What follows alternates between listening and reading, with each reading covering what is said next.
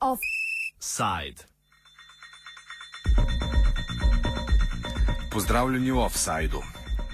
Hrvaška LGBT skupnost se je skupaj s podporniki včeraj v centru Zagreba zbrala na shodu, na katerem je zahtevala spoštovanje pravic istospolnih parov in njihove pravice do sklepanja zakonske zveze.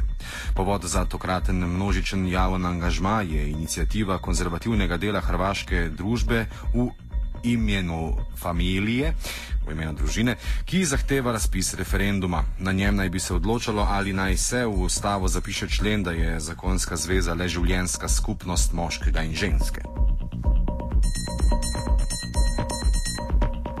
Inicijativa je v nedeljo prav tako v Zagrebu sporočila, da je zbrala več kot potrebnih 375 tisoč podpisov pod zahtevo za razpis referenduma. Na včerajšnjem shodu je bil zato državnim institucijam izrečen poziv, da preprečijo izvedbo referenduma, na katerem bi se odločalo o človekovih pravicah. Govorili smo s Sanjo Jura, s predstavnico lezbičnega združenja Kontra, enega od organizatorjev shoda. Najprej nam je predstavila širše okoliščine, ki so jih vodile do izvedbe shoda.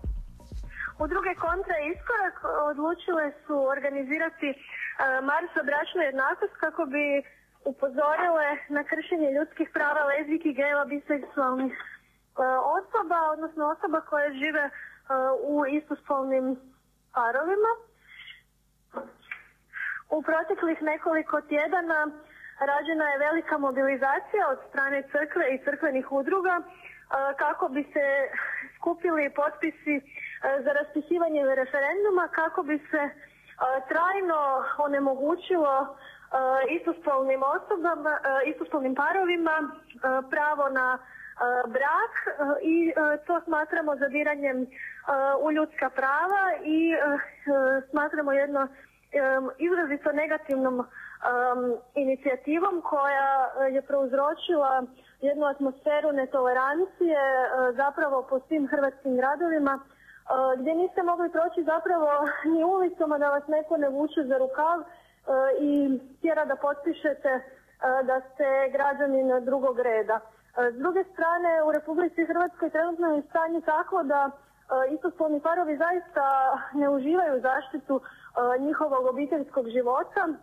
Zakon o istospolnim zajednicama usvojen je prije više od deset godina, ali ne pruža zapravo nikakva prava e, osobama koje žive u istospolnim zajednicama e, u odnosu na e, ono što postoji u braku i izvanbračnoj zajednici. E, Znači, primjerice, osobe mogu živjeti zajedno 30 i više godina, ali ukoliko se jednoj od njih nešto dogodi, druga osoba ne može ju posjetiti eh, u bolnici, na odjelu intenzivne njege jer nije smatrana dijelom obitelji.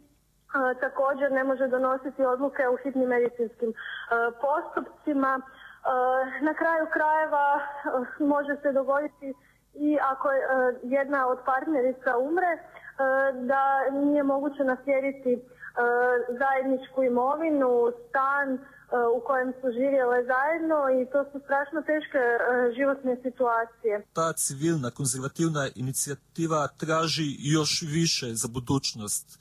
Ona traži neku specijalnu definiciju braka. Da, toga da se radi se o tome da e, se pokušava raspisati referendum e, na kojem bi se e, unijelo u ustav e, da e, brak ne mogu sklapati homoseksualne osobe, to je da brak može biti samo između heteroseksualnih parova. E, to je jedna negativna inicijativa, ali kao što sam rekla, još osim toga su strašnije posljedice e, toga što je e, rađena užasno velika mobilizacija e, protiv prava homoseksualnih osoba i što je to rađeno intenzivno na ulicama, ali također i kroz medije gdje su se širile i dezinformacije i pokušavalo prikazati homoseksualne osobe kao jednu agresivnu manjinu. Tako daleko su išle te inicijative da su izmišljale nasilne incidente protiv vlastitih volontera, čak i to da je netko zapalio njihov štand, što je kasnije policija otkrila da nije istina. A koji su bili glavni društveni faktori ili organizacije recimo koje su a, u ime te inicijative pružale potporu za, to, za taj predlog. Iza te inicijative je crkva i e, crkvene udruge, odnosno udruge financirane od strane crkve.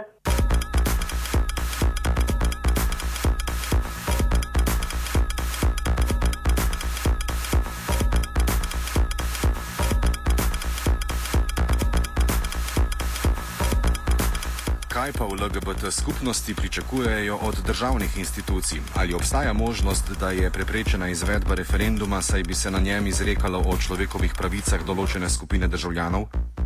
Mi smatramo da je neprihvatljivo e, održavati raspisivati referendume o ljudskim pravima i mi očekujemo u svakom slučaju da država zabrani takav e, referendum. E, mi očekujemo da, da država stane u obranu e, ljudskih prava svih, pa tako i istospolnih obitelji i da pokrene konkretne korake vezano za to. Vlada Republike Hrvatske već je zauzela stav da se ovdje radi e, o pitanju ljudskih prava koje ne može biti E, predmet referenduma, a mi očekujemo i da vlada pokrene konkretne korake, odnosno e, da izmijeni obiteljsko zakonodavstvo i da otvori institucije braka izvanbračne zajednice i spolnim parovima. Evo možda samo još e, jedno pitanje.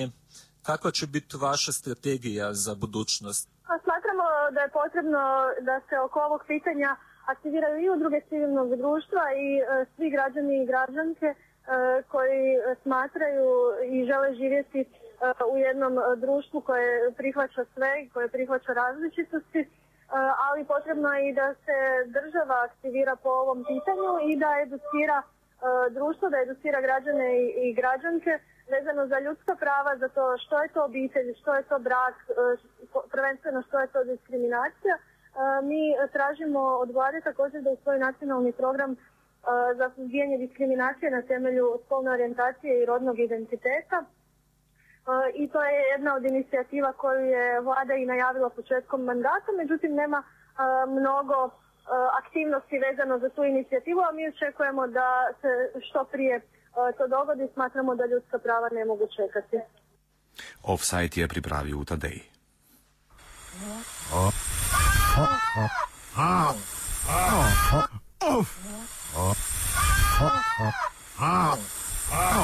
Offside.